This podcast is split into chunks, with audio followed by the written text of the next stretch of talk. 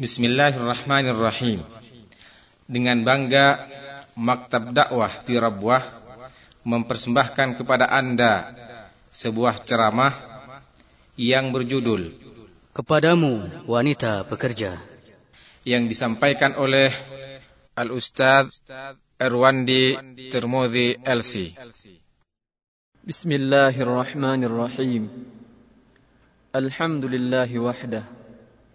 والصلاة والسلام على من لا نبي بعده وعلى آله وصحبه ومن والاه وبعد kaum muslimah yang dimuliakan Allah Subhanahu wa taala kuucapkan salam penghormatan salam Islam salam penduduk surga Assalamualaikum warahmatullahi wabarakatuh Segala puji bagi Allah Subhanahu wa taala yang telah mengumpulkan kita mempertemukan kita dalam suatu kondisi keadaan mendekatkan diri kepadanya sama-sama mengkaji memperbaiki tuntunan hidup kita memperbaiki pribadi kita hingga menjadi orang yang diredhoi oleh Allah Subhanahu wa taala di dalam kehidupan dunia dan akhirat ini.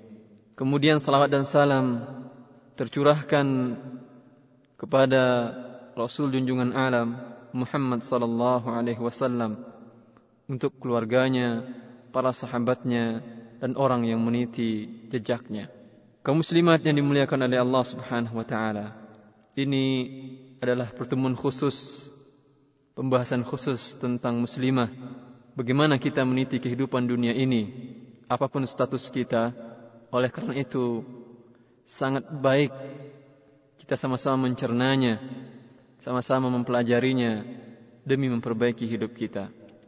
Mula-mula yang ingin kita aku sampaikan adalah kabar gembira baik untuk diriku maupun untuk seluruh kaum muslimat tentang suatu nikmat besar yang dianugerahkan Allah Subhanahu wa taala kepada kita yaitu nikmat iman kepadanya yang membuat bahagia seorang anak manusia dalam hidupnya, apapun statusnya. Seorang khadam, seorang tuan, orang kaya, miskin, putih maupun hitam warna kulitnya. Karena seluruh manusia bila ingin merasakan indahnya kebahagiaan hanya bisa dia raih dengan keimanan kepada Allah Subhanahu wa taala.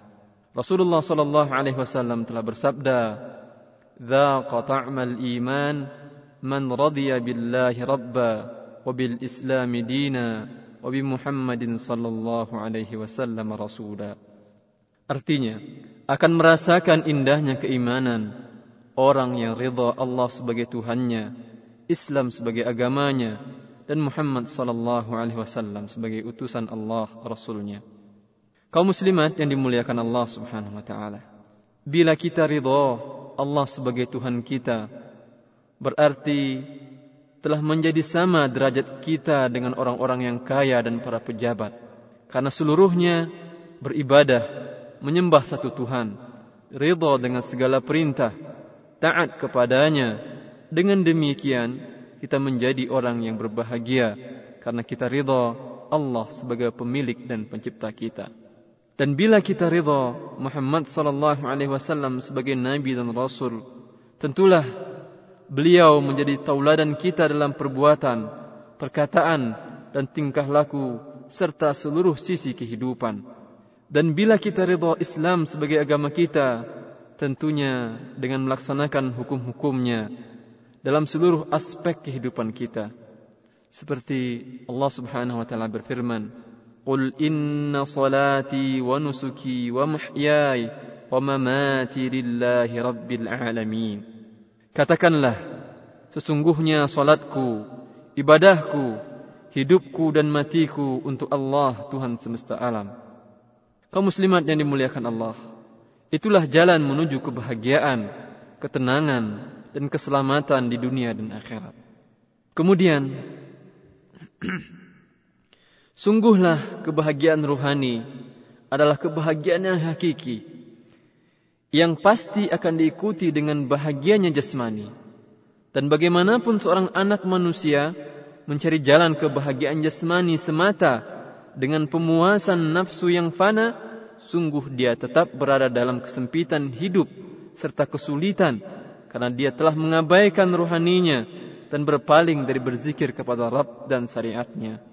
Seperti banyak yang terjadi dalam peradaban maju dari segi materi namun kosong dari sisi rohani, mereka banyak mengakhiri hidupnya dengan cara bunuh diri untuk membebaskan jasmani dan rohaninya karena mereka tidak tahu jalan yang benar menuju kebahagiaan. Inilah difirmankan oleh Allah Subhanahu wa taala. "Wa man a'rada 'an dhikri fa inna lahu ma'ishatan danka wa nahshuruhu yawmal qiyamati a'ma." قال رب لم حشرتني أعمى وقد كنت بصيرا قال كذلك أتتك آياتنا فنسيتها وكذلك اليوم تنسى Artinya, dan barang siapa yang berpaling dari peringatanku, maka sesungguhnya baginya adalah penghidupan yang sempit, dan kami akan menghimpunkannya pada hari kiamat dalam keadaan buta. Berkatalah ia, Ya Tuhanku, mengapa engkau menghimpunkan aku dalam keadaan buta, padahal aku dahulunya adalah orang yang melihat? Allah berfirman, Demikianlah telah datang kepadamu ayat-ayat kami, maka kamu melupakannya, dan begitu pula pada hari ini kamu dilupakan. Kaum muslimat yang dicintai Allah subhanahu wa ta'ala.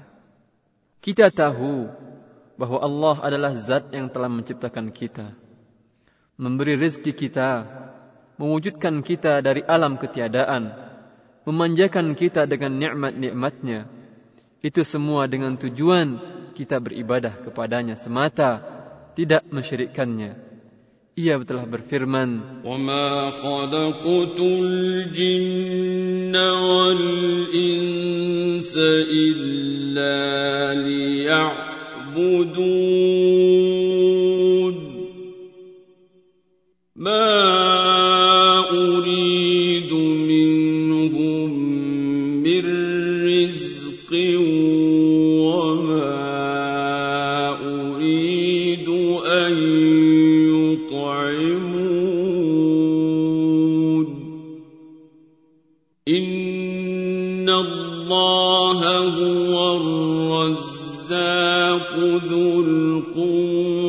الْمَتِينُ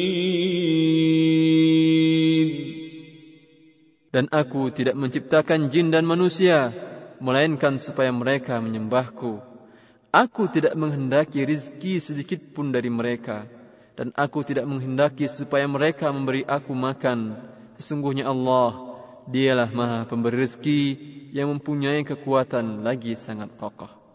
Jelas sekali kaum muslimat yang berbahagia dalam ayat ini, bahwa tujuan Allah menciptakan kita bukan agar kita membalas budi kepadanya dengan memberi rezeki kepada Allah, tidak malah sebaliknya.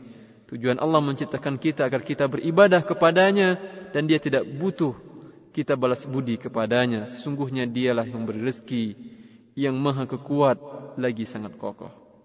Allah subhanahu wa ta'ala maha kaya. Tidak butuh ibadah dan tidak butuh ketaatan kita dan tidak merasa rugi kita mendurhakainya. Akan tetapi, kitalah yang butuh beribadah kepadanya. Karena dengan beribadah, hidup kita menjadi lebih berarti di dunia dan akhirat. Sebaliknya, kita akan menjadi rugi bila mendurhakainya. Karena ia akan menimpakan siksa dan azabnya.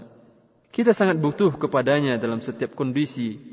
Tidak bisa kita terlepas dari nikmatnya walau sekejap mata seperti yang difirmankan oleh Allah Subhanahu wa taala. يا أيها الناس أنتم الفقراء إلى الله والله هو الغني الحميد إن يشأ يذهبكم ويأتي بخلق جديد وما ذلك على الله بعزيز Artinya, hai manusia, kamulah yang berhajat kepada Allah dan Allah dialah yang maha kaya tidak memerlukan sesuatu lagi maha terpuji.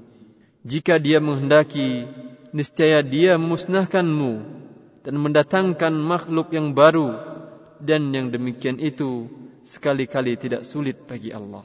Kaum muslimat yang dimuliakan oleh Allah Subhanahu wa taala. Jelas sudah bahwa tujuan Allah menciptakan kita, kita beribadah kepadanya. Inilah tugas utama kita di muka bumi Allah ini. Lalu, bagaimana caranya agar ibadah kita itu diterima oleh Allah Subhanahu wa taala tidak sia-sia? Kemudian Allah memasukkan kita kepada kelompok hamba-hambanya yang soleh. Ada dua syarat yang dijelaskan oleh para ulama agar ibadah kita diterima.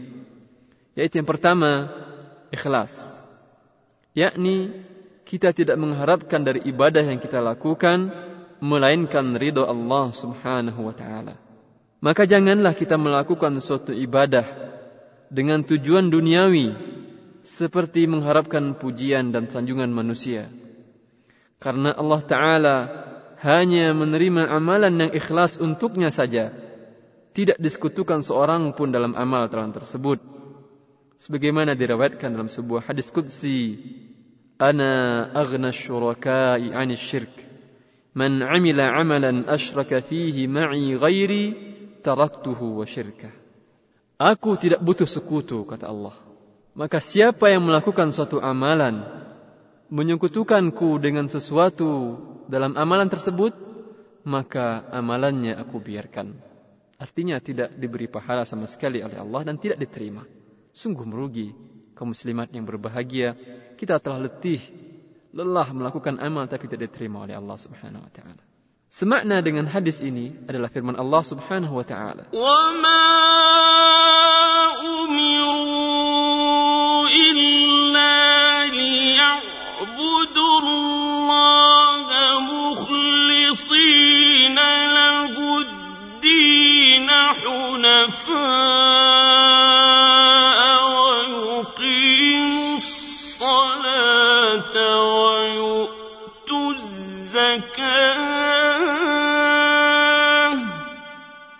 Artinya, padahal mereka tidak disuruh kecuali supaya menyembah Allah dengan memurnikan ketaatan kepadanya dalam menjalankan agama yang lurus.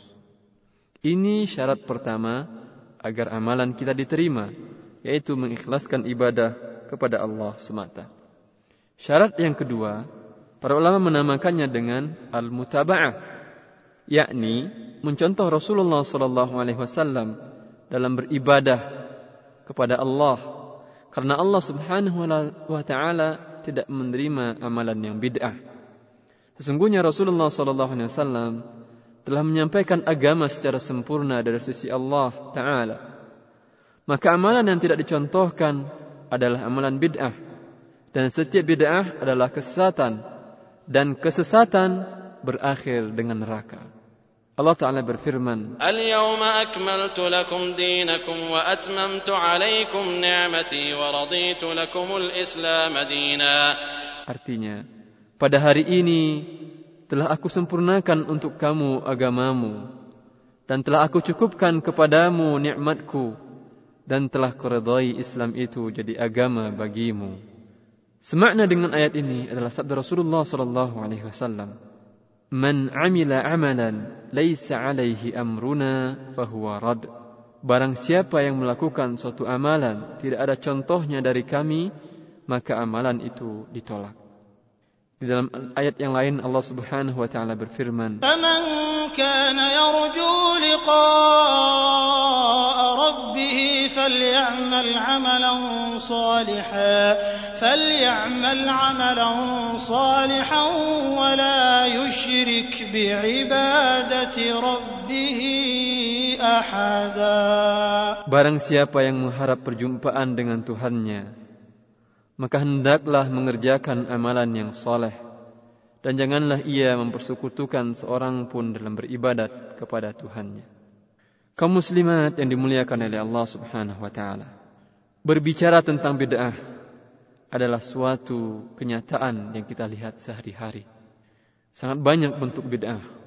Di antaranya perayaan Maulid Nabi, kemudian setelah habis salat berjamaah zikir dengan cara bersama-sama, dengan mengangkat suara yang keras tinggi.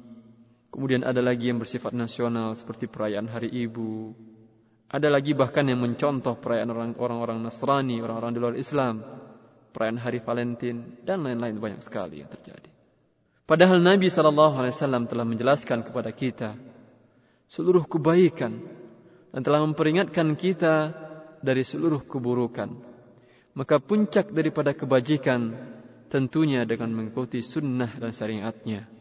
Dan puncak dari keburukan tentunya karena melanggar sunnah dan perintah serta tuntunan Nabi sallallahu alaihi wasallam. Kaum muslimat hamba Allah, Syarat yang pertama untuk diterimanya suatu ibadah seperti yang telah kita jelaskan adalah ikhlas.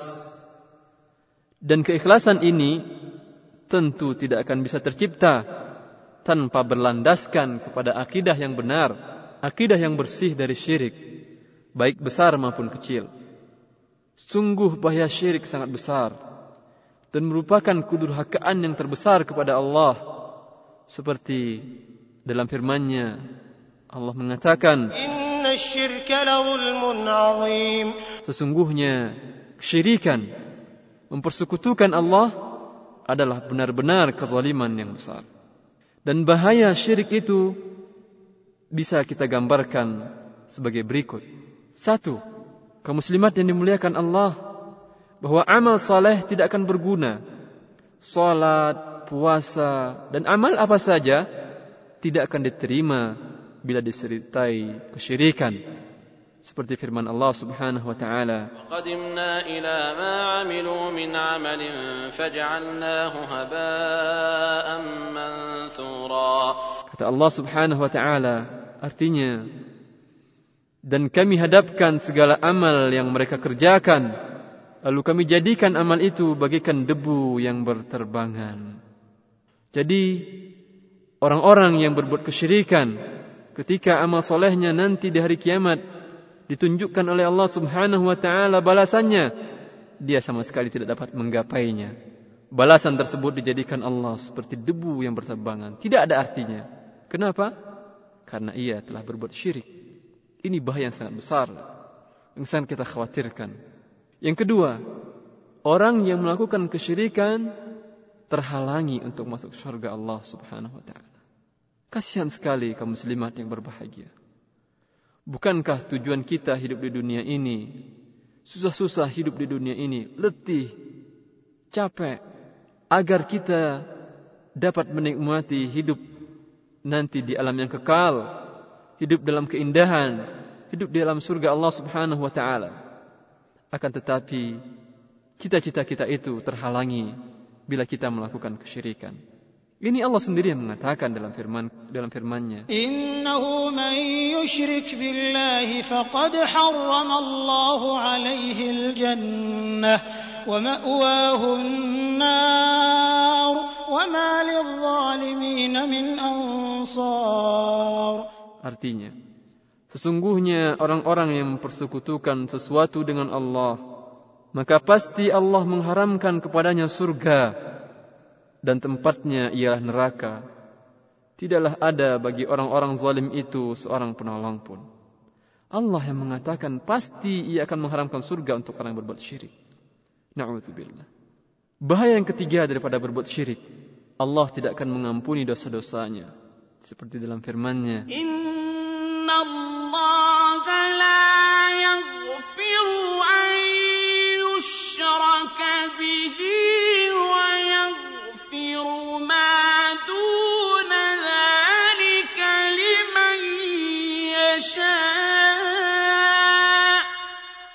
Sesungguhnya Allah tidak mengampuni dosa syirik. Dan dia mengampuni segala dosa selain itu bagi siapa yang dia kehendaki. Jadi sangat rugi sekali kaum muslimat yang dimuliakan Allah subhanahu wa ta'ala. Karena berbuat syirik yang sedikit saja, dosa-dosa kita tidak diampuni oleh Allah subhanahu wa ta'ala. Bahaya yang keempat adalah orang yang melakukan kesyirikan tempatnya adalah di neraka dan dia, dia tidak akan keluar darinya, kekal di dalamnya. Sungguh nistalah tempat kembali orang-orang yang berbuat kesyirikan. Ini juga dijelaskan oleh Allah dalam firman-Nya. Innalladzina kafaru min ahlil kitabi wal musyrikin fi nari jahannam khalidin fiha ulaika hum syarrul bariyah. Sesungguhnya orang-orang kafir yakni ahli kitab dan orang-orang musyrik, masuk neraka jahanam, kekal di dalamnya. Mereka itu adalah seburuk-buruk makhluk, kata Allah Subhanahu wa taala. Inilah dampak dari syirik besar. Yang di antara contohnya adalah mungkin sebagian kita pernah melakukan, segeralah bertobat kepada Allah Subhanahu wa taala. Dan kalau tidak pernah melakukan, ketahuilah hal ini hendaklah kita hindari. Yaitu contohnya menyembelih dan bernazar untuk selain Allah. Ini adalah syirik besar. Memberikan sesajen untuk kuburan, sesajen untuk kanjeng ini itu, untuk penghuni gua ini, gua itu. Maka ini termasuk adalah syirik besar. Karena ketika menyembelih diniatkan untuk selain Allah Subhanahu wa taala. Ini di antara syirik besar. Contoh yang lain adalah tawaf mengitari kubur. Ada sebagian orang tidak cukup bertawaf di Ka'bah saja, akan tetapi dia ketika ada suatu kuburan yang dikeramatkan, dia tawaf di kuburan tersebut. Iyazubillah wa na'udzubillah. Ini adalah syirik besar. Kemudian di antara contohnya adalah meminta pertolongan dan beristighasah kepada arwah para wali. Nah, ini mungkin sering kita lihat di mana-mana kaum muslimat yang berbahagia. Banyak orang yang minta tolong kepada wali ini. Hai Abdul Qadir Jailani, tolong aku. Ya? Hilangkan kesusahanku, kesulitanku. Ini sebetulnya adalah syirik besar. Yang menghapuskan amalan kita. Menyerumuskan kita kepada neraka. Kenapa tidak minta tolong saja kepada Tuhan Allah yang menciptakan para wali tersebut? Kemudian di antara contoh yang lain juga adalah meminta bantuan kepada orang hidup dalam hal yang dia tidak mampu melakukannya kecuali yang mampu dalam melakukan tersebut hanya Allah Subhanahu wa taala. Ini adalah syirik besar. Intinya dari makna syirik besar itu ialah membalingkan salah satu bentuk ibadah kepada selain Allah Subhanahu wa taala. Bukankah di atas telah kita katakan ibadah adalah tugas manusia diciptakan, tujuan manusia diciptakan hanya diberikan kepada Allah? Maka ketika ibadah itu kita berikan kepada selain Allah Subhanahu wa taala, berarti kita telah mensyirikatkan Allah Subhanahu wa taala dengan selainnya. Adapun syirik kecil sedikit lebih ringan daripada syirik besar. Akan tetapi cukup membuat kita membuat bulu roma kita berdiri mendengar ancaman Allah Subhanahu wa taala kepada orang-orang yang melakukannya. Ia memang tidak membuat seseorang keluar dari agama Islam. Akan tetapi membuat tauhid akidah seseorang yang melakukannya menjadi tidak sempurna. Kemudian lama kelamaan syirik kecil dapat menghantarkan kepada syirik besar. Kemudian berdasarkan pendapat yang kuat bahwa dosa syirik kecil tidak diampuni dan pelakunya disiksa dalam neraka sesuai dengan kadar dosanya. Lalu kemudian dikeluarkan dari neraka. Berdasarkan firman Allah Subhanahu wa taala,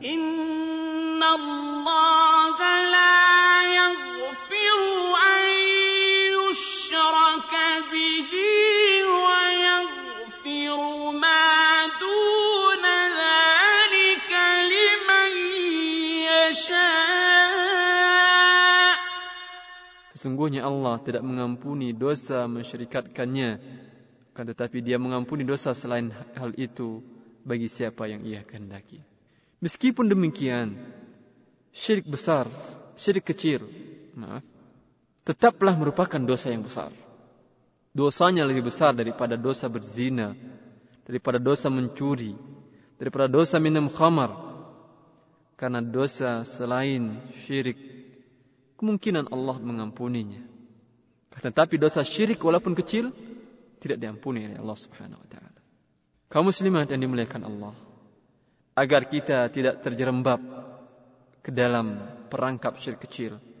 Ketahuilah beberapa contoh daripada syirik kecil. Di antaranya bersumpah dengan selain nama Allah. Seperti sumpah dengan nama Nabi, sumpah pocong, sumpah dengan nama ini, dengan nama itu.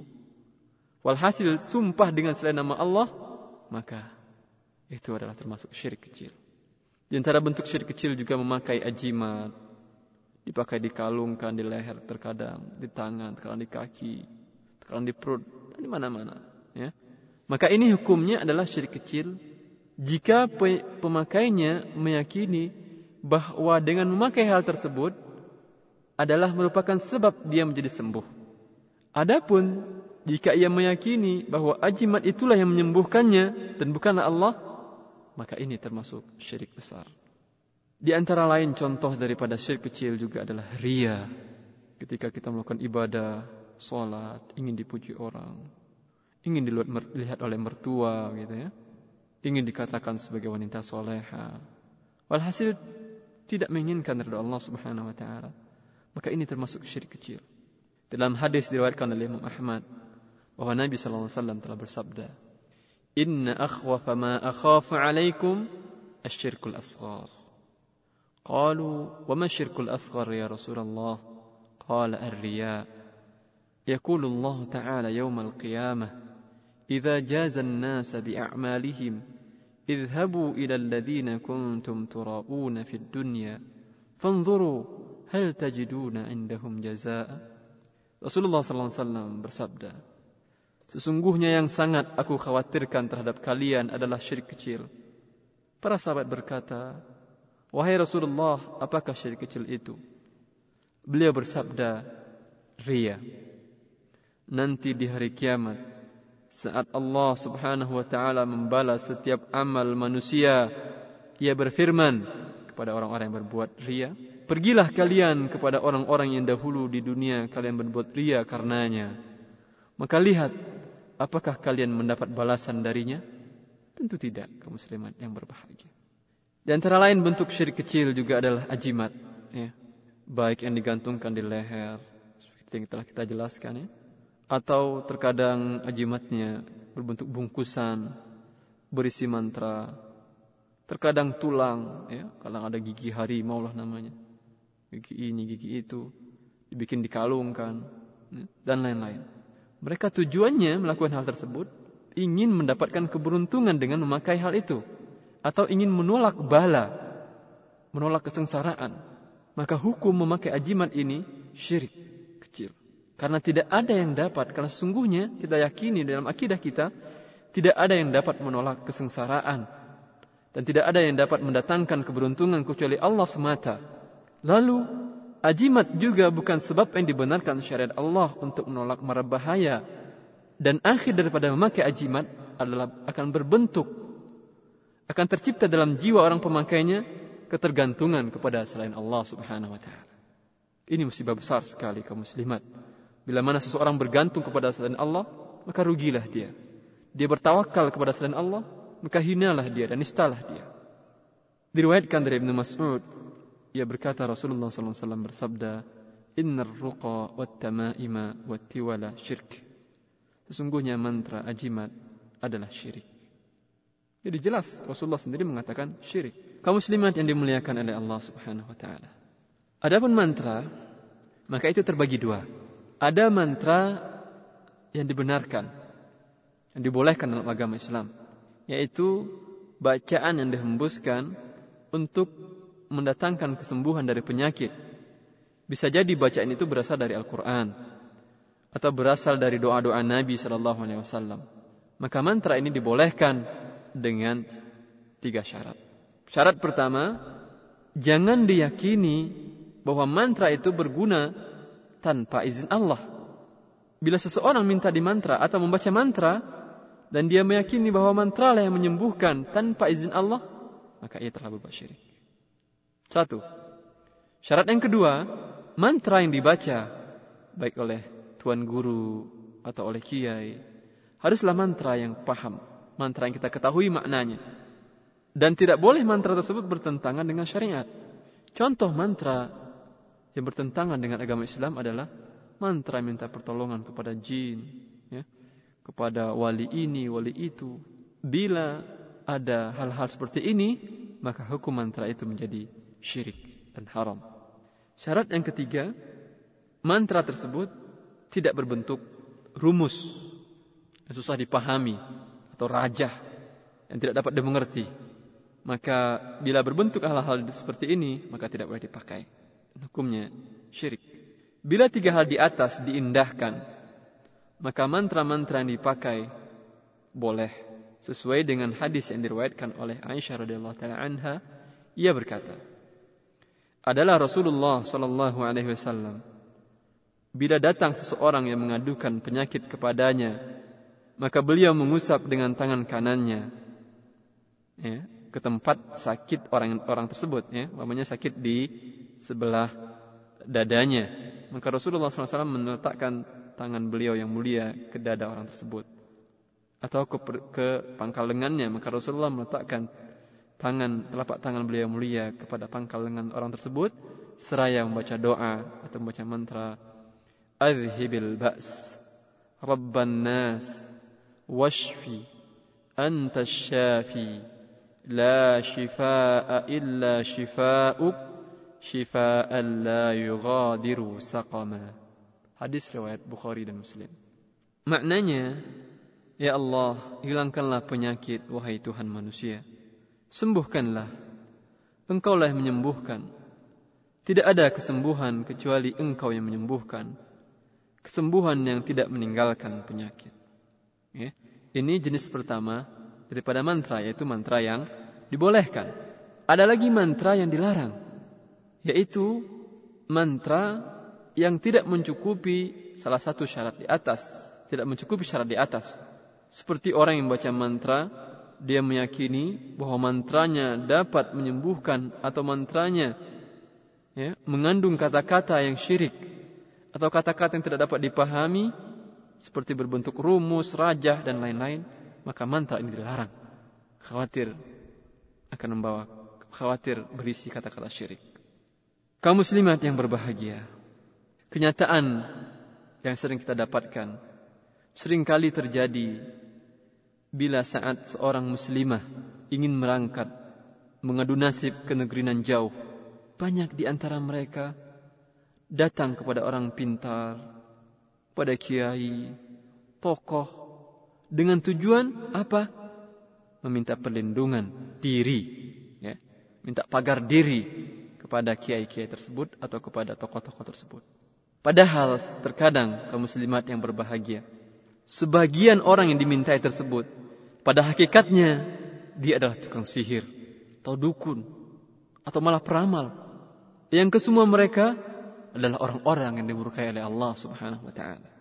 Seorang tukang sihir umpamanya, dia adalah orang yang kafir, menentang Allah.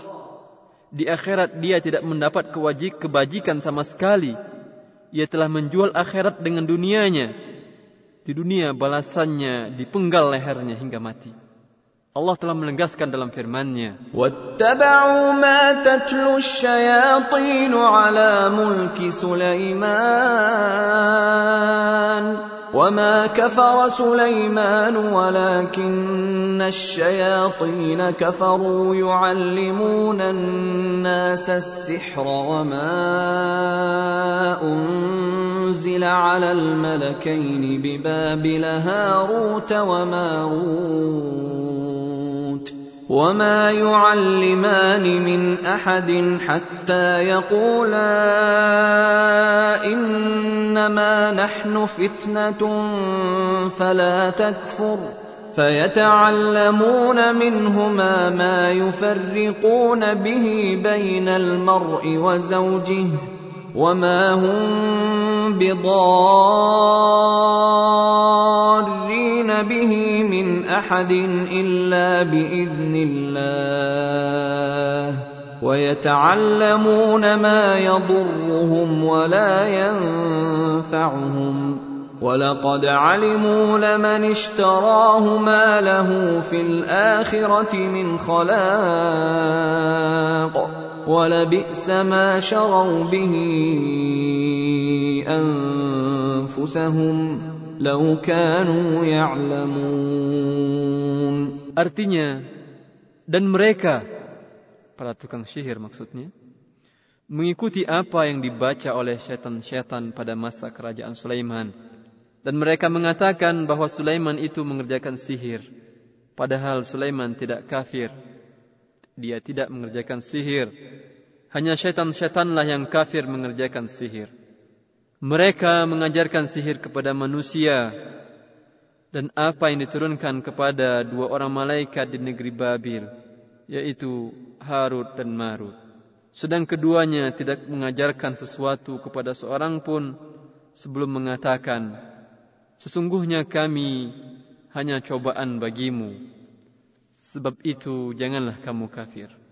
Maka mereka mempelajari dari kedua malaikat itu apa yang dengan sihir itu. Mereka dapat menceraikan antara seorang suami dengan istrinya. Dan mereka itu, para tukang sihir, tidak memberi mudarat dengan sihirnya kepada seorang pun. Kecuali dengan izin Allah. Dan mereka mempelajari sesuatu yang tidak memberi mudarat kepadanya. Dan tidak memberi manfaat Demi sesungguhnya mereka telah meyakini bahwa barang siapa yang menukar kitab Allah dengan sihir, tiadalah baginya keuntungan di akhirat. Dan amat jahatlah perbuatan mereka menjual dirinya dengan sihir, andai mereka mengetahui. Jadi sangat rugi kaum muslimat yang berbahagia. Ternyata kaum muslimat datang kepada tukang sihir padahal mereka adalah orang-orang dihinakan oleh Allah Subhanahu wa taala. Kalau memang nanti akan kita jelaskan tentang bagaimana adab seorang wanita ketika ingin bekerja. Kalau memang diberi rezeki oleh Allah jauh dari negeri kita, pergi dengan suami bekerja di negeri orang, kenapa harus minta perlindungan kepada orang-orang seperti mereka? Tukang sihir. Minta perlindungan kepada Allah. Tukang sihir jauh di Indonesia. Anda di Anda Anda di negeri nan jauh. Dia nggak bisa berbuat apa-apa. Kan, tapi bila Anda minta perlindungan kepada Allah, Allah Tuhan di Indonesia, Tuhan di mana tempat Anda bekerja, di negeri mana pun Anda bekerja. Tuhan mereka adalah Allah Subhanahu wa taala. Terkadang ada yang datang kepada dukun, dukun yang pura-pura mengaku mengetahui hal-hal yang gaib, padahal hal yang gaib, mengetahui hal yang gaib adalah hak prerogatif, hak khusus Allah. Maka siapa yang mengaku mengetahui hal yang gaib berarti dia telah merampas hak Allah ini. Allah berfirman, "Qul la ya'lamu man fis samaa'i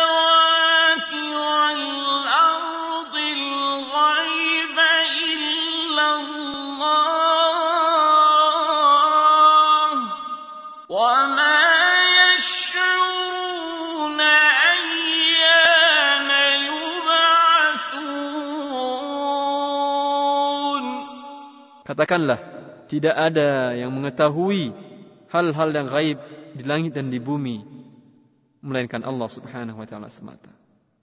Para peramal yang mengaku bisa meramal nasib seseorang, sebetulnya iya, ya, kalaupun ramalannya benar, itu adalah karena dia mendapat berita dari jin yang mencuri dengar pembicaraan malaikat. Seperti yang diriwayatkan dari Abu Hurairah radhiyallahu taala anhu. Nabi sallallahu alaihi wasallam bersabda, mengancam kita untuk tidak datang kepada dukun, kepada tukang sihir dan yang sejenisnya. Terlebih lagi bila mana kita mempercayai perucapan mereka, ancaman Rasulullah SAW sangat keras sekali. Sebagaimana diriwayatkan oleh Abu Hurairah radhiyallahu anhu. Rasulullah SAW bersabda, "Man ata kahinan fasaddaqahu bima yaqul, faqad kafara bima unzila ala Muhammad." Hadis riwayat Abu Dawud. Orang yang mendatangi peramal lalu membenarkan ucapannya, sungguh ia telah kafir dengan syariat yang dibawa oleh Muhammad. Jadi kaum muslimat yang berbahagia, tatkala kita minta pagar diri, perlindungan diri kepada dukun, kepada tukang sihir, kepada tokoh, kepada kiai dan yang sejenis-jenisnya, maka sebetulnya kita telah menjual, menggadaikan agama kita. Bukankah Rasulullah SAW mengajarkan kita untuk bertawakal kepada Allah Subhanahu Wa Taala? Kenapa kita tukar dengan pagar diri yang dibuat oleh orang-orang sihir, tukang sihir, tukang dukun dan lain sebagainya. Sungguh jual beli yang merugi. Maka oleh karena itu kaum muslimat yang dimuliakan oleh Allah Subhanahu wa taala, bersihkanlah akidah kita dari hal-hal yang telah disebutkan sebelumnya. Bila mana akidah kita bersih dari hal-hal tersebut, pujilah Allah, ucapkan alhamdulillah yang telah memberi taufik dan hidayahnya kepada kita. Lalu mohonlah agar kita bisa beristiqamah dalam kebenaran ini. Lalu berusaha menularkan kebajikan ini. Mengajak saudari-saudari yang lain untuk membersihkan akidahnya. Dengan demikian berarti Anda telah menyelamatkan mereka dari siksa neraka. Sungguh ini perbuatan yang sangat mulia. Andai saja kita melihat seseorang yang tenggelam dan ingin mati, maka kita sangat ingin menyelamatkan dia. Padahal kalaupun dia mati, dia mati dalam keadaan sebagian sabda Rasulullah mengatakan mati syahid, mati tenggelam. Untung dia sebetulnya mati dalam tenggelam. Tapi kita ingin menolongnya. Kemungkinan dia bisa berbuat kebajikan lebih banyak lagi. Akan tetapi kenapa kita melihat, melihat saudari-saudari kita, keluarga kita, sanak-sanak terdekat melakukan kesyirikan, kita diam? Tidakkah kita merasa kasihan mereka terjerumus ke dalam neraka Allah Subhanahu wa taala? Tarik tangan mereka dengan cara yang hikmah dan bijaksana agar selamat dari neraka Allah Subhanahu wa taala. Dan ketahuilah bila ini kita lakukan kaum muslimat yang dimuliakan Allah, kita akan mendapat kiriman pahala dari setiap orang yang akidahnya bersih karena kita. Ini seperti disabdakan oleh Rasulullah sallallahu alaihi wasallam, "Li ayyahdiyallahu bika rajulan wahidan khairun laka min humurin ni'am." Sungguh engkau menunjuki seorang ke jalan Allah lebih baik daripada seekor unta yang berharga kaum muslimat yang dimuliakan Allah Subhanahu wa taala. Setelah kita menapaki jalan utama menuju kebahagiaan dunia dan akhirat, marilah selanjutnya kita menelusuri jalan-jalan yang lain untuk menuju keridhaan Allah Subhanahu wa taala.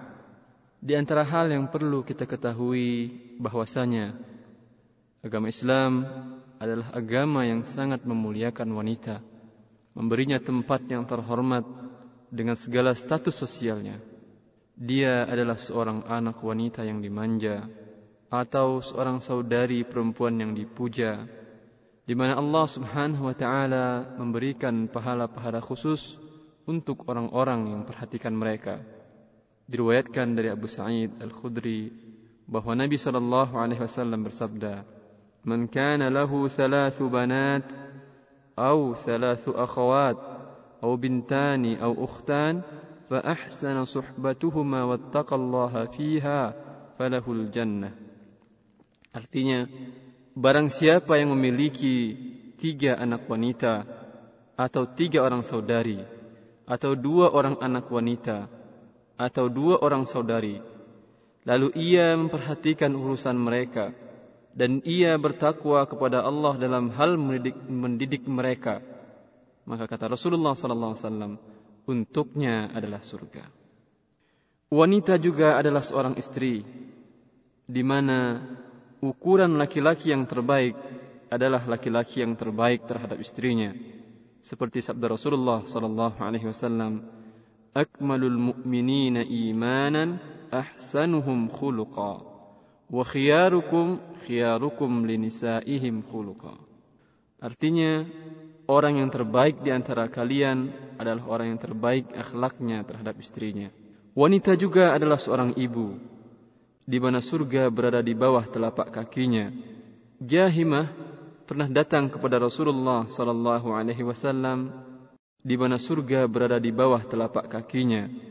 Jahimah pernah datang kepada Rasulullah sallallahu alaihi wasallam lalu ia berkata, "Ya Rasulullah, Aku ingin berperang jihad fisabilillah dan aku ingin meminta pendapatmu. Rasulullah sallallahu alaihi wasallam bersabda, "Apakah ibumu masih hidup?" Ia menjawab, "Ya." Lalu Rasulullah sallallahu alaihi wasallam bersabda, "Falzamha fa innal jannata tahta rijlaiha." Tetaplah bersamanya berkhidmah berbakti kepadanya sesungguhnya surga berada di bawah telapak kakinya kaum muslimat yang dimuliakan oleh Allah Subhanahu wa taala. Perhatian Islam yang sangat besar terhadap wanita merupakan bias dari ketinggian derajat wanita dan pentingnya peranan mereka dalam membina masyarakat Islami. Wanita bertanggung jawab terhadap pendidikan di rumah seorang muslim yang merupakan bagian terkecil dari suatu masyarakat Islami. Seorang wanita merupakan pendidik generasi pembentuk para pahlawan. Sungguh peranan ini adalah peranan yang sangat besar, sangat menentukan dalam tatanan sebuah masyarakat. Seorang muslimah dalam sebuah masyarakat, posisinya tak ubahnya bagaikan hati bagi jasad. Bila ia baik, seluruh jasad akan menjadi baik. Bila ia rusak, seluruh jasad akan menjadi rusak. Masyarakat adalah hasil buah tangannya dan usaha serta pantulan pemikiran, akhlak serta sifat para wanita. Maka sering diungkapkan oleh orang-orang dengan perkataan mereka bahwa wanita sesungguhnya dia menggoyang ayunan dengan tangan kanannya akan tetapi pada hakikatnya dia juga menggoyang dunia dengan tangan kirinya. Wahai kaum muslimah yang dimuliakan oleh Allah Subhanahu wa taala. Belum tahukah kita akan tingginya posisi Anda, pentingnya perananmu? Maka janganlah engkau berpindah dari posisi ini dan meninggalkan perananmu semula dengan alasan apa pun jua. Inilah tugas kerja utama seorang wanita, yakni membenahi, menata, mendidik, membentuk rumah tangganya seperti yang difirmankan oleh Allah waqarna fi buyutikun tetaplah seorang wanita di rumahnya dengan pekerjaan di atas. Oleh karena pentingnya peranan wanita tersebut maka Islam telah mencukupkan nafkah seorang wanita. Nafkah tersebut tidak perlu dicari oleh wanita tetapi dibebankan kepada wali atau orang tuanya atau suaminya sehingga ia tidak perlu keluar dari rumahnya tidak perlu keluar meninggalkan istananya tersebut sesuai dengan firman Allah Subhanahu wa taala. لينفق ذو سعة من سعته ومن قدر عليه رزقه فلينفق مما آتاه الله. Artinya, hendaklah orang yang mampu memberi nafkah menurut kemampuannya dan barang siapa yang disempitkan rezekinya hendaklah ia memberi nafkah sebagian dari rezeki yang diberikan Allah kepadanya. Allah telah mewajibkan memberi nafkah untuk istri, untuk wanita kepada kaum laki-laki. Kaum muslimah yang dimuliakan oleh Allah Subhanahu wa taala. Akan tetapi agama Islam adalah agama yang sempurna sesuai dengan segala masa dan kondisi. Maka apabila wanita terpaksa meninggalkan peranan utamanya, bekerja di luar rumah, mengais rezeki karena tidak ada orang yang memberinya nafkah atau masyarakat membutuhkan wanita untuk bekerja, maka agama Islam membolehkan ia bekerja. Di antaranya seperti yang dijelaskan dalam kisah dua orang anak wanita Nabi Shu'aib yang bekerja menggantikan peranan ayah mereka yang telah tua renta. الله بفرمان دلم سورة القصاص. ولما ورد ماء مدين وجد عليه أم من الناس يسقون ووجد من دونهم امرأتين تذودان قال ما خطبكما قالتا لا نسقي حتى يصدر الرعاء وأبونا شيخ كبير. Dan tatkala Nabi Musa alaihi salam datang sampai di sebuah sumber air negeri Madian, Di sana beliau menjumpai sekumpulan orang yang sedang memberi minuman ternaknya. Dan di antara gerombolan orang-orang yang memberi minuman ternaknya tersebut, Nabi Musa melihat dua orang wanita yang sedang menahan ternaknya. Artinya dia tidak bisa memberi minuman ternaknya seperti laki-laki yang memberi minuman ternaknya dengan leluasa. Lalu Nabi Musa alaihissalam bertanya kepada dua orang wanita tersebut, apa maksud kalian? Maka dua orang wanita itu berkata, kami tidak dapat memberi minuman ternak kami hingga para pengembala tersebut beranjak karena bapak kami adalah seorang laki-laki yang sudah tua renta. Jadi kaum muslimat yang berbahagia, dari ayat ini jelaslah bagi kita bahwasanya bila mana wali atau suami atau tidak ada yang memberi nafkah kepada wanita, maka dia dibolehkan bekerja. Namun kaum muslimat yang dimuliakan oleh Allah Subhanahu wa taala, kebolehan wanita bekerja di luar rumahnya dalam Islam itu dengan beberapa catatan yang harus dilakukan, diperhatikan oleh wanita yang bekerja di luar rumah. Maksudnya di luar rumah dia ya. Baik walaupun di rumah majikan, itu tetap namanya dia bekerja di luar rumahnya.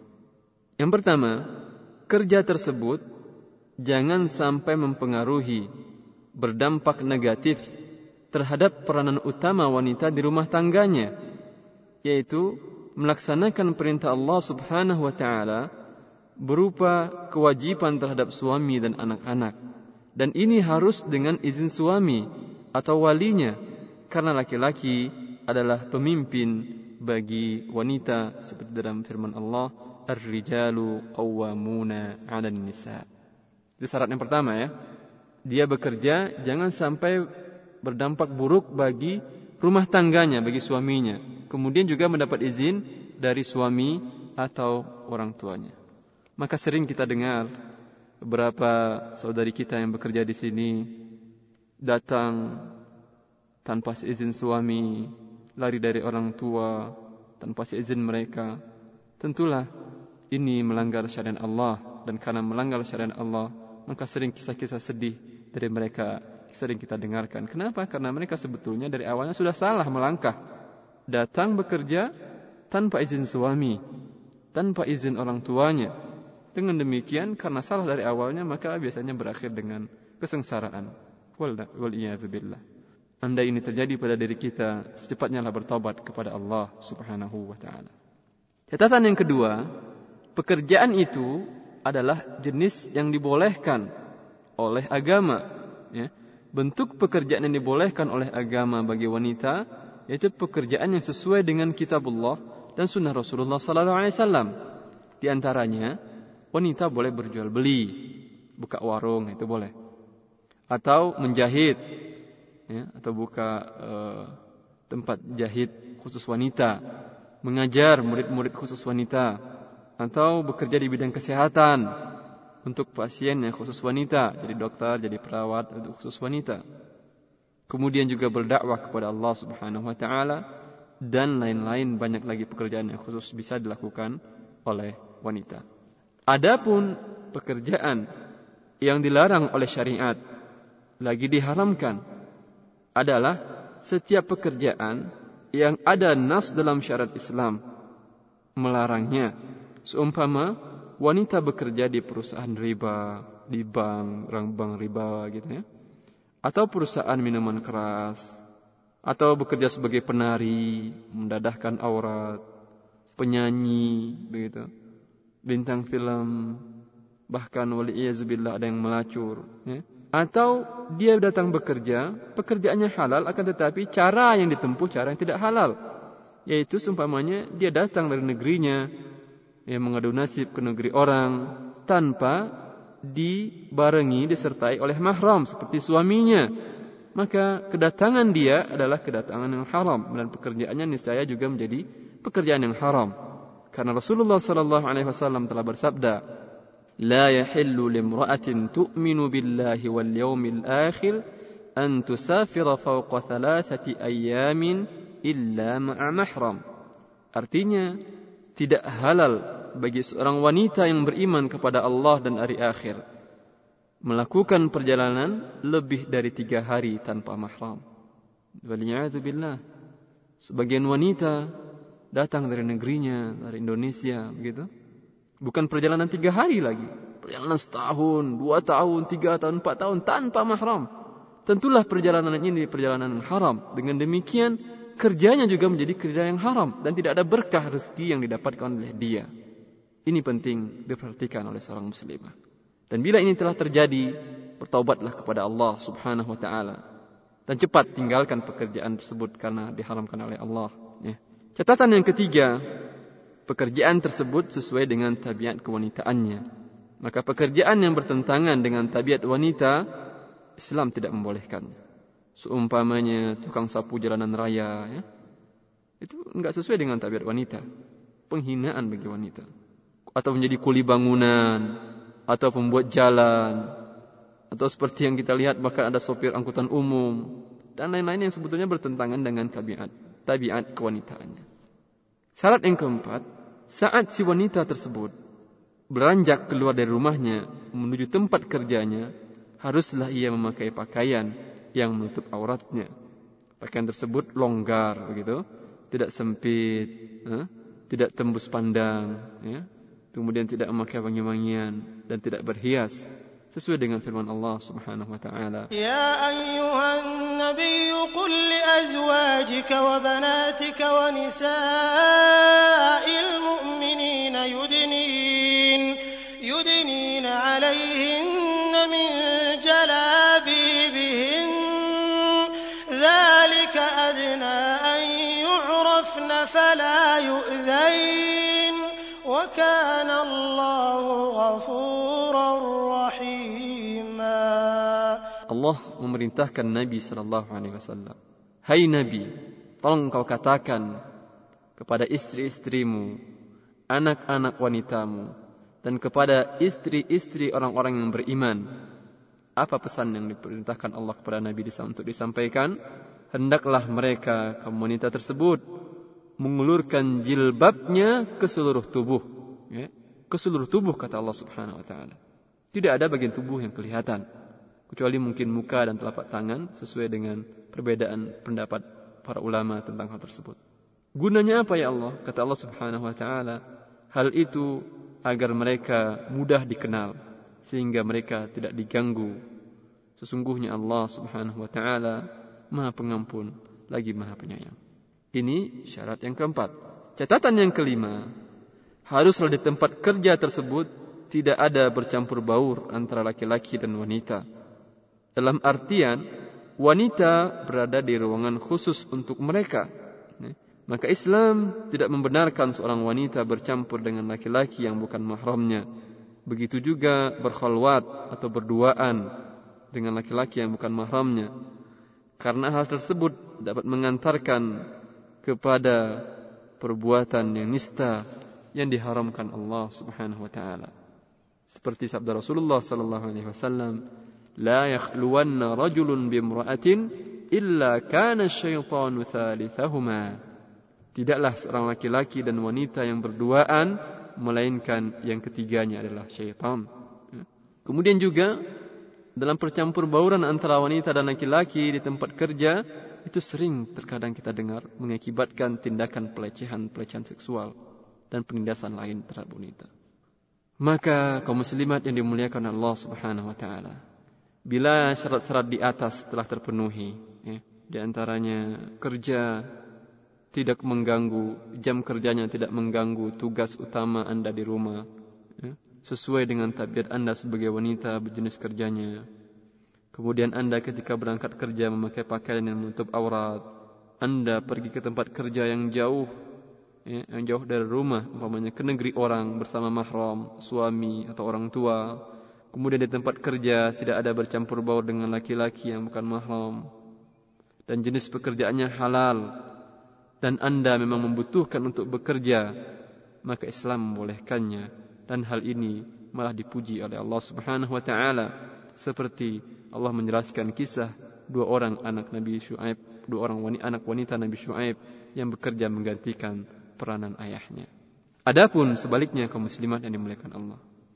Bila salah satu syarat saja tidak terpenuhi, seumpamanya si wanita tersebut datang ke negeri Saudi ini tanpa mahram, ya, tanpa suami, datang sendirian, maka janganlah anda turuti nafsu untuk bekerja. Ya.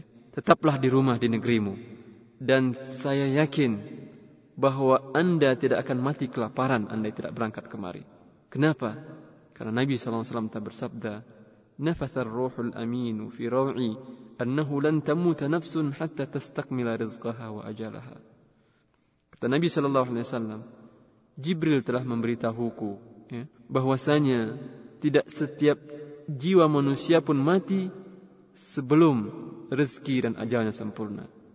Artinya Anda tidak akan mati sebelum rezeki Anda ya, sempurna seperti yang telah dituliskan Allah Subhanahu wa taala di Lauh Mahfuz maka carilah rezeki itu dengan cara yang halal. Dan jika Anda meninggalkan pekerjaan Anda yang bertentangan dengan syariat Allah Subhanahu wa taala semata-mata karena takut kepada Allah, maka Allah insya Allah saya yakin dan Anda pun insya Allah yakin Allah akan menggantinya dengan pekerjaan yang lebih baik dan lebih halal. Kaum muslimat yang dimuliakan oleh Allah Subhanahu wa taala. Setelah kita menjelaskan syarat-syarat seorang wanita bisa boleh bekerja di luar rumahnya, maka khususnya beberapa nasihat yang ingin saya sampaikan kepada saudari-saudariku yang bekerja di negeri rantau di tanah Arab ini. Camkanlah beberapa wasiat. Semoga ini bermanfaat bagimu selama di sini dan setelah kembali ke negerimu. Pertama, bertakwalah kepada Allah. Takutlah akan siksanya dan hindari larangannya dengan cara engkau melakukan seluruh perintahnya dan menjauhi seluruh larangannya. Jauhi segala hal yang membuat Allah Subhanahu wa taala murka seperti berhias, menampakkan aurat, berbicara dengan nada yang merayu terhadap lawan jenis laki-laki yang bukan mahramnya, tidak suami, tidak orang tuanya. Kemudian hindari tempat-tempat yang mendatangkan keraguan bagi dirimu. Laksanakan perintah Allah, kewajiban Allah terhadap makhluknya, lakukan dan seringlah periksa diri dari segala hal-hal kecil, dosa kecil dan besar yang pernah Anda lakukan membuat Allah Subhanahu wa taala murka. Ketahuilah bahwa Allah Subhanahu wa taala melihatmu dimanapun engkau berada. Ingat selalu wasiat Rasulullah sallallahu alaihi wasallam. Ittaqillah haitsu ma kunt al-hasanata tamhuha wa khaliqin nasa bi khuluqin hasan. Bertakwalah kepada Allah di mana pun engkau berada lalu ikutkan amal ke, amal keburukan dengan amal kebajikan. Niscaya amal kebajikan akan menghapuskan amal keburukan. Dan perlakukanlah manusia dengan perlakuan yang baik. Dan camkanlah bahwa kematian selalu datang tiba-tiba. Setelah itu, engkau meninggalkan dirimu. Engkau meninggalkan duniamu. Dan engkau pun akan melihat apa yang telah engkau kerjakan di dunia ini. Jika engkau berbuat kebajikan, pujilah Allah. Dan jika tidak, maka jangan celah kecuali dirimu. Pesan kedua, jagalah amanah. Sesungguhnya Allah subhanahu wa ta'ala telah berfirman, Inna Allah ya'murukum an tu'addul amanati ila ahliha. Sesungguhnya Allah telah memerintahkan kalian untuk melaksanakan amanah kepada orang yang mengamanahkannya. Menjaga amanah adalah sifat mukmin yang bertakwa. Dia juga adalah sifat Nabi kita Muhammad sallallahu alaihi wasallam. Baik sebelum menjadi rasul maupun setelah diangkat menjadi nabi, beliau dikenal sebagai Al-Amin, orang yang menjaga amanah. Beliau juga pernah bersabda, "La imana liman la amanata lah." Tidak ada iman bagi orang yang tidak memegang amanah. Allah juga telah menawarkan amanah kepada langit, kepada bumi, kepada gunung, akan tetapi mereka tidak sanggup memikulnya. Lalu amanah tersebut diambil alih oleh anak Adam, oleh Nabi Adam untuk memikulnya. Seraya berkata kepada Allah, Ya Allah, apakah maksud amanah? Allah berfirman, In ahsanta juzid, wa in asa'ta uqibt. Jika engkau berbuat baik di atas dunia ini, engkau akan dibalas kebajikan. Dan jika engkau berbuat jahat di atas dunia, maka engkau akan disiksa. Takutlah kepada Allah, wahai saudari muslimah, dalam menjaga amanah yang telah dibebankan kepadamu, karena amanah merupakan kunci perbuatan yang dicintai oleh Rabbul Alamin. Untuk itu, saudari muslimah, sebagaimana yang telah kita ketahui, ya, sebagaimana yang sama-sama sering kita dengar dan kita lihat dan engkau pun merasakan ya, datang kemari setelah menempuh jalan yang susah demi mendapatkan rezeki menghindari rezeki yang haram atau menghindari meminta-minta kepada orang lain. Setelah sampainya engkau di sini semua juga tahu bagaimana perasaanmu perasaan keterasinganmu jauh dari sanak keluarga jauh dari anak-anak jauh dari tanah air tercinta. Semua itu dihadang oleh keletihan jasmani serta kelelahan karena engkau harus bekerja tanpa mengenal waktu. Bahkan tidak sering engkau tidak sempat tidur kecuali beberapa saat saja dan sering mendapatkan makanan yang tidak sesuai dengan selera. Maka janganlah pengorbananmu ini menjadi sia-sia dengan keberadaanmu di negeri ini. Manfaatkanlah sisa-sisa waktumu yang sangat sedikit untuk beberapa hal yang, ber, yang bermanfaat seperti berikut ini. Selain mengumpulkan uang untuk masa depanmu yang lebih ceria nantinya, engkau juga bisa mempersiapkan hal-hal berikut ini. Pertama, pelajarilah ilmu agama. Karena dengannya engkau dapat mengerti kesalahan-kesalahan yang engkau lakukan selama ini.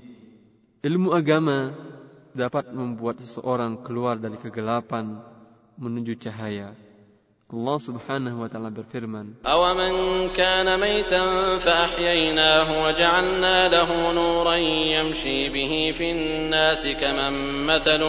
كَمَنْ مَثَلُهُ فِي الظُّلُمَاتِ لَيْسَ بِخَارِجٍ مِنْهَا Apakah orang yang mati hatinya kata Allah lalu kami hidupkan dan kami jadikan untuknya cahaya yang dengan cahaya itu ia dapat berjalan di tengah-tengah manusia apakah dia sama seperti orang yang berada dalam kegelapan yang tidak bisa keluar dalam kegelap, dari kegelapan tersebut? Tentu tidak. Di antara ya, ilmu-ilmu agama yang pantas engkau pelajari adalah tentang solat. Karena solat kata Rasulullah SAW adalah tiang agama. Pelajari hal-hal yang berkaitan dengan solat seperti berwuduk. Karena Rasulullah mengatakan Allah tidak menerima solat tanpa berwuduk. Pelajari cara berwuduk yang benar. Hal-hal yang berkaitan tentang bersuci seperti masalah haid. Kemudian bagaimana cara sholat yang benar sesuai dengan sesuai dengan tuntunan Rasulullah Sallallahu Alaihi Wasallam. Setelah itu, ya, hal-hal yang lain, hal-hal yang umum seperti mempelajari Al-Quran, membaca Al-Quran, mengetahui maknanya melalui terjemahan, membaca membaca buku-buku yang bermanfaat dalam bidang ilmu fikih, akidah, hadis, Ya. Dan bila engkau pulang ke negerimu, bawalah buku-buku tersebut dan kaset-kaset ceramah tersebut. Lalu bagi-bagikan kepada karib kerabat dan handai taulan sebagai hadiah kenang-kenangan berharga darimu selain engkau memberikan hadiah lain. Kemudian yang kedua, camkanlah dalam hatimu setelah nanti kembali ke negerimu untuk menularkan ilmu-ilmu yang telah engkau dapatkan selama di sini. Yang engkau dengan demikian berarti telah berdakwah kepada jalan Allah. Karena dakwah sebetulnya kaum muslimat yang dimuliakan Allah bukan saja dengan cara berceramah di atas mimbar, di atas podium. Akan tetapi juga bisa ya, disampaikan dalam bentuk tingkah laku dan akhlak yang mulia, cara berpakaian seorang wanita yang menutup aurat, menjaga diri. Ya. Dengan demikian, bila engkau melakukan hal ini dan diikuti oleh orang yang lain, saudara-saudara yang lain di negerimu, maka dengan demikian engkau telah melakukan suatu sunnah, suatu tradisi yang baik. Maka kata Rasulullah sallallahu alaihi wasallam, "Man sanna fil man sanna sunnatan hasanah falahu ajruha wa ajru man 'amila biha ba'dahu ila yaumil qiyamah." Barang siapa membuat suatu tradisi kebajikan, maka ia mendapatkan pahalanya dan pahala orang yang melakukannya hingga hari kiamat nanti. Kemudian kaum muslimat yang dimuliakan oleh Allah Subhanahu wa taala. Nikmati pekerjaan sehari-harimu yang merupakan tujuan kedatanganmu kemari dengan cara mengikhlaskannya untuk Allah Subhanahu wa taala semata. Karena dengan demikian, dengan engkau ikhlaskan bekerja di sini untuk mencari rezeki, menafkahi ya, anak-anak untuk masa depan yang lebih ceria. Dengan demikian selain engkau mendapatkan gaji, juga mendapatkan pahala dari sisi Allah Subhanahu wa taala. Dan rasa ikhlas ini, ya, keikhlasan ini akan mengantarkan Anda saat bekerja dengan perasaan yang tenang dan bekerja dengan yang tekun. Kemudian, bila engkau lelah saat bekerja atau jemu, maka selingi pekerjaan dengan cara membaca zikir, zikir-zikir yang ringan. Subhanallah, walhamdulillah, wala ilaha illallah, akbar atau la haula wala quwata illa billah atau istighfar astaghfirullah dan lain-lain. Kenapa? Karena sesungguhnya zikir ke muslimat yang dimuliakan oleh Allah dapat menambah kekuatan jasmani kita. Seperti hadis uh, Fatimah yang datang kepada Rasulullah sallallahu alaihi wasallam untuk meminta khadam, meminta pembantu Lalu Rasulullah SAW mengajarkan kepadanya, bacalah subhanallah, walhamdulillah, la ilaha Allahu Akbar sebelum tidur 33 kali, insya Allah kamu tidak butuh membantu. Ternyata diamankan oleh Fatimah benar. Kuat tubuhnya jadinya, tanpa lelah. Ini salah satu rahasia untuk menjaga stamina tubuh. Kemudian kaum muslimat yang dimuliakan oleh Allah Subhanahu wa taala. Ini hal yang sering terjadi memang. Bila mana dalam suatu keadaan yang tidak disangka-sangka, majikan berbuat semena-mena, bertindak kezaliman kepada engkau, lakukanlah langkah-langkah berikut ini. Ini sangat penting Anda perhatikan. A. Langkah yang pertama, bersabarlah. Maafkanlah ia. Ingat selalu sabda Rasulullah sallallahu alaihi wasallam. Wa'lam anna an-nasra ma'a sabri wa anna al-faraja ma'a al-karb wa anna ma'a al-usri yusra. Kata Rasulullah, ketahuilah sungguhnya kemenangan bersama kesabaran dan kelapangan bersama kesempitan dan sesungguhnya bersama kesulitan ada kemudahan. Artinya, bila Anda bersabar, insya Allah Anda menjadi orang yang menang. Dan Allah juga berfirman, "Man 'afa wa aslaha fa ajruhu 'ala Allah, innahu la yuhibbul zalimin."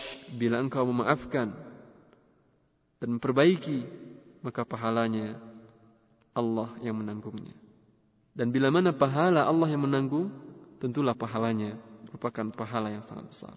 Langkah kedua, bila mana majikan Anda bertindak semena-mena kepada Anda, dan tindakan tersebut ternyata berulang-ulang, maka sampaikan kepadanya dengan sikap yang tenang agar mereka dapat bertingkah laku yang baik, berakhlak mulia dan nyatakan kepada mereka bahwa engkau adalah muslimah sama seperti mereka juga sebagai semana seorang muslimah dan Allah akan membalas kezaliman orang berbuat zalim. Sampaikan itu kepada mereka. Lalu selain itu adukanlah permasalahanmu kepada Allah seperti Nabi Yakub yang mengadukan kesedihannya hanya kepada Allah. Dia mengatakan dan diabadikan Allah dalam firman-Nya. Qala innama ashku bathi wa huzni ila Allah. Sungguhnya aku hanya mengadukan kesusahan dan kesedihanku kepada Allah semata. Insyaallah Allah akan menghilangkan kesedihan dan kegundah gulanaanmu. Namun kaum muslimat yang dimuliakan Allah bila ternyata tindakan semena-mena itu sampai pada tahap peninda- penindasan terhadap jasmani dan kesucianmu, maka dalam kondisi ini lakukanlah perlawanan semampunya dan engkau diberi pahala oleh Allah Subhanahu wa taala dalam melakukan perlawanan ini karena termasuk menjaga nyawa dan kesucianmu sebagai seorang wanita. Dan bahkan kalau dalam perlawanan tersebut engkau kalah dan ternyata ditakdirkan oleh Allah Subhanahu wa taala meninggal maka meninggalmu adalah meninggal dalam keadaan syahid. Yakinlah itu. Kata tetapi bila tidak sampai pada tahap yang menggenaskan, mengkhawatirkan nyawa dan kesucianmu sebagai seorang wanita, akan diperkosa sama majikan umpamanya, ya, atau akan dipukul mau dibunuh, bila tidak sampai pada tahap yang sebesar itu, beritahukan hal ini ke maktab amal, ke maktab istiqdam, di mana kantor an- yang mendatangkan anda dari maktab itu. Atau beritahukan kepada telepon-telepon KBRI yang disebar di beberapa tempat-tempat strategis seperti warung-warung Indonesia. Beritahukan atau ambil teleponnya, telepon mereka. Bila mereka yang berusaha menindaklanjuti. Umpamanya juga tindakan tersebut seperti umpamanya juga tindakan semena-mena gaji tidak dibayar. Juga hal ini bisa dilakukan dengan tahapan yang ketiga tadi. Ya, laporkan kepada maktab amal atau beritahu eh, bagian penanggung jawab tenaga kerja yang berada di kedutaan besar Republik Indonesia untuk Saudi di Riyadh ini melalui nomor-nomor telepon mereka yang disebar di beberapa tempat strategis. Semoga hal ini tidak menimpa Anda, wahai kaum muslimat dimuliakan Allah Subhanahu wa taala. Semoga Allah menyelamatkan kita dari hal-hal yang tidak kita inginkan. Selanjutnya kaum muslimah yang dimuliakan oleh Allah Subhanahu wa taala. Sangat disayangkan kenyataan yang sering kita dengar dari saudari-saudari kita yang banyak bekerja di sini sering bertolak belakangan dengan apa yang telah kita jelaskan di atas.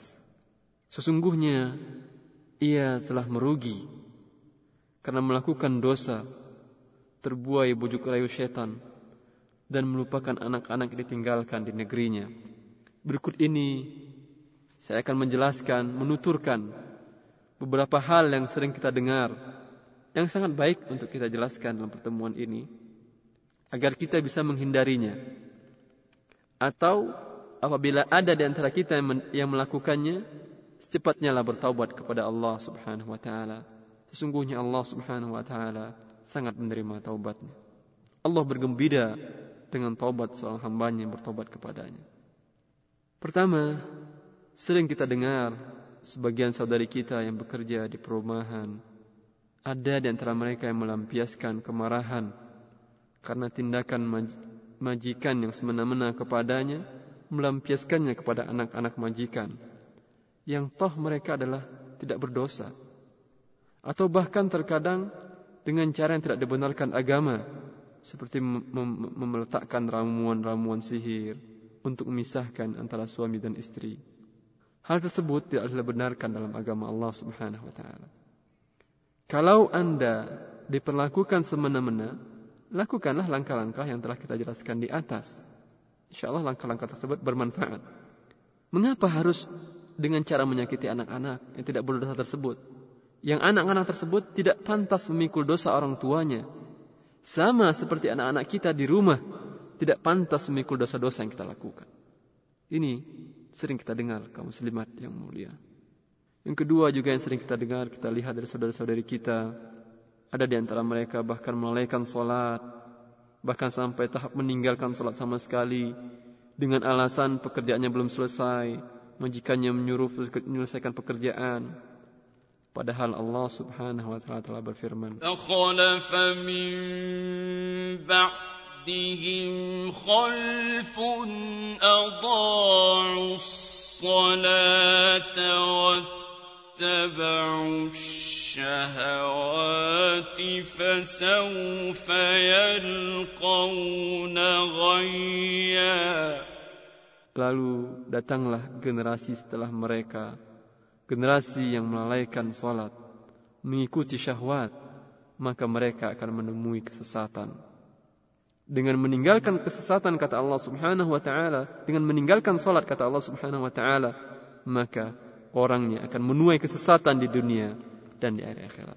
Tinggalkan pekerjaan tersebut, apa pun bentuk jenis pekerjaannya. Lakukan salat hanya di sekitar 5 menit, 10 menit paling. Karena ketaatan kepada Allah Subhanahu wa taala di atas ketaatan kepada manusia. Ketiga, banyak saudari kita yang bekerja di sini mengabaikan untuk menutup auratnya.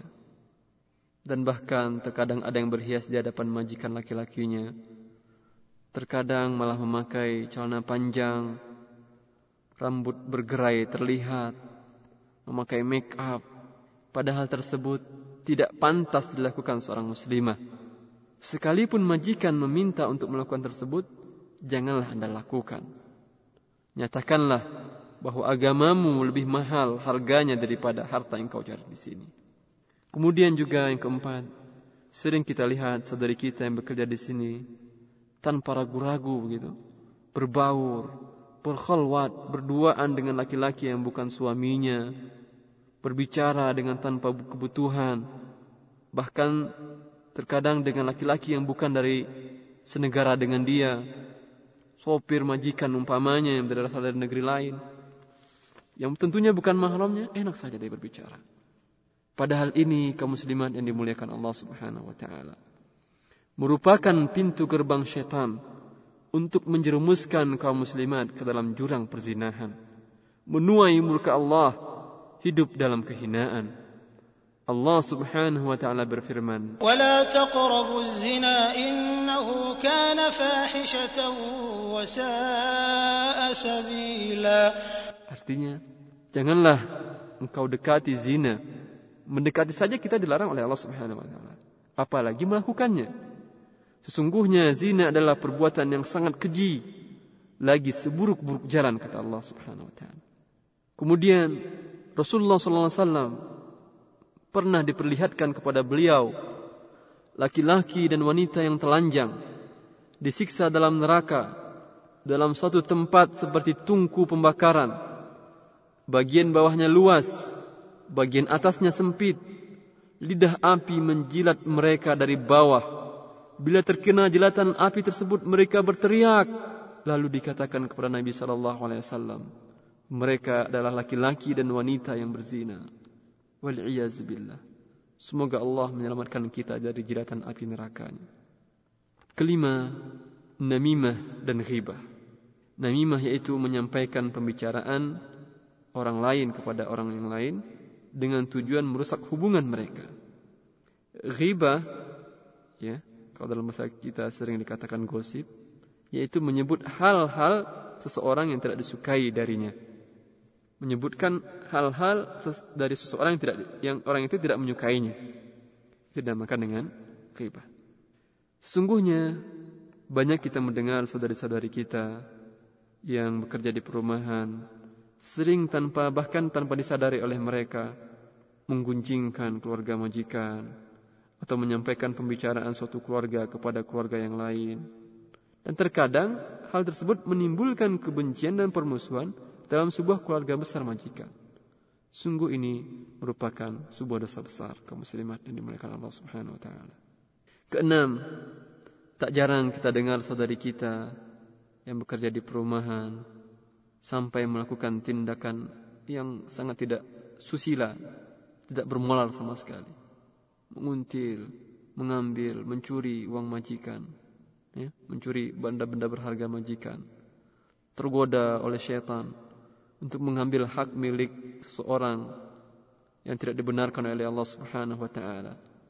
Dan hal ini tentunya sering berakhir dengan kesusahan bagi saudari tersebut. Terkadang membuat ia harus berurusan dengan pihak keamanan di sini. Dan bahkan terkadang ada di antara mereka yang meringkuk dalam terali besi. Padahal andai dia tahu bahwa harta yang didapatkan dengan cara yang tidak benar tidak akan membawa keberkahan kepadanya sama sekali. Tujuh, sering sebagian saudari kita mencuri pendengaran keluarga majikannya, mencuri dengar pembicaraan keluarga majikannya. Padahal mereka tidak senang pembicaraan tersebut didengarnya.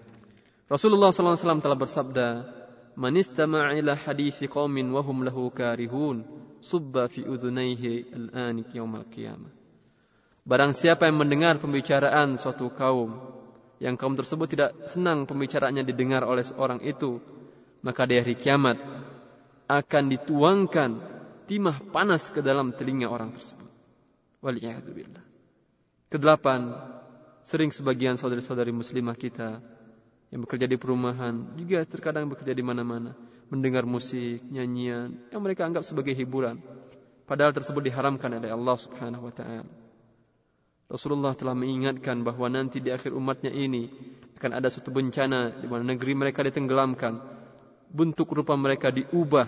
Sebagian ada yang bertanya, kapan itu ya Rasulullah?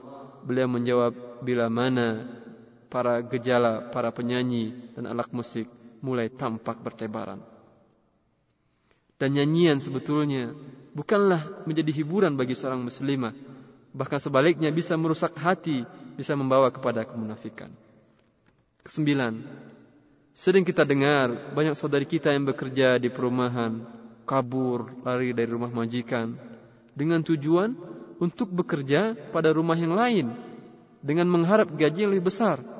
Padahal tindakan tersebut telah membuat Allah dan Rasulnya murka. Rasulullah SAW telah mengatakan, al-mu'minuna inda syurutihim bahwa orang muslim haruslah memenuhi syarat perjanjiannya. Bila Anda telah telah berjanji membuat perjanjian bekerja untuk satu rumah, bekerjalah di sana sesuai dengan gaji yang telah ditentukannya. Insya Allah walaupun sedikit, ya, insya Allah berkah. Maka akibat dari tindakan yang tidak benar tersebut tidak jarang kita dengar mereka harus berurusan dengan pihak keamanan di sini.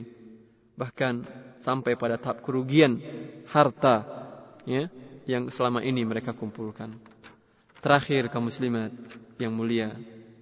Sebagian kaum muslimat yang bekerja di sini melaksanakan ibadah haji tanpa diiringi oleh mahram mereka, tanpa diiringi oleh suami mereka.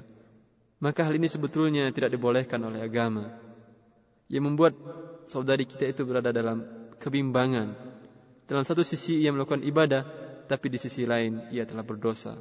Maka ini sajalah beberapa suara hati yang bisa kami sampaikan kepada saudari-saudari kami sebangsa setanah air yang berada di negeri rantau.